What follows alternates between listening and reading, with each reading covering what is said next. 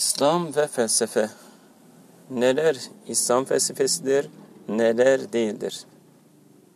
Müslüman Allah'a kesinlikle iman etmiş olan kişidir.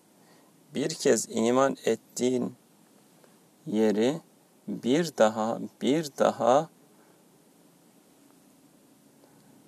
değişmenin, bir daha bir daha o noktaya dönmenin akıllı, mantıklı bir açıklaması yoktur. Eski Yunan felsefesinin tesirine giren Farabi ve benzeri sözüm ona İslam düşünürleri, sözüm ona diyorum açıkça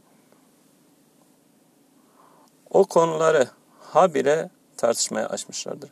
Ve onları takip eden bazıları da o konuları habire tartışmaya açıyorlar ve bunu da İslam medeniyeti, İslam medeniyetini araştırıyoruz. İslam uygarlığına katkıda bulunuyoruz diye yapıyorlar. Bu senin yaptığın İslam medeniyeti değil ki. Bu senin yaptığın İslam felsefesi değil. Eski Yunan medeniyetinin bir tekrarından başka hiçbir şey değil. İslam medeniyeti İslam'a göre oluşturulmuş olan medeniyettir. Eski Yunan felsefesine göre oluşturulmuş olan felsefe Yunan felsefesidir. İslam felsefesi değil. Kim tepki gösterirse de gösterebilir. O da onun sorunudur. Bu birinci nokta. İkinci nokta. Peki İslam'da felsefeye tamamen karşı mı çıkılmalıdır? Felsefe yok mu edilmelidir? Hayır. Felsefe düşünce şeklidir. Felsefe düşünmeyi bilmektir.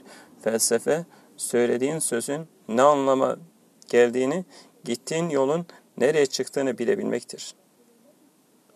Bu noktada herkesin bu noktada insanlığın yararına olan bu noktada İslam'ın yararına olan bu noktada elbette herkesin felsefeyi bilmesi gerekir. Bu da işin bir diğer boyutu.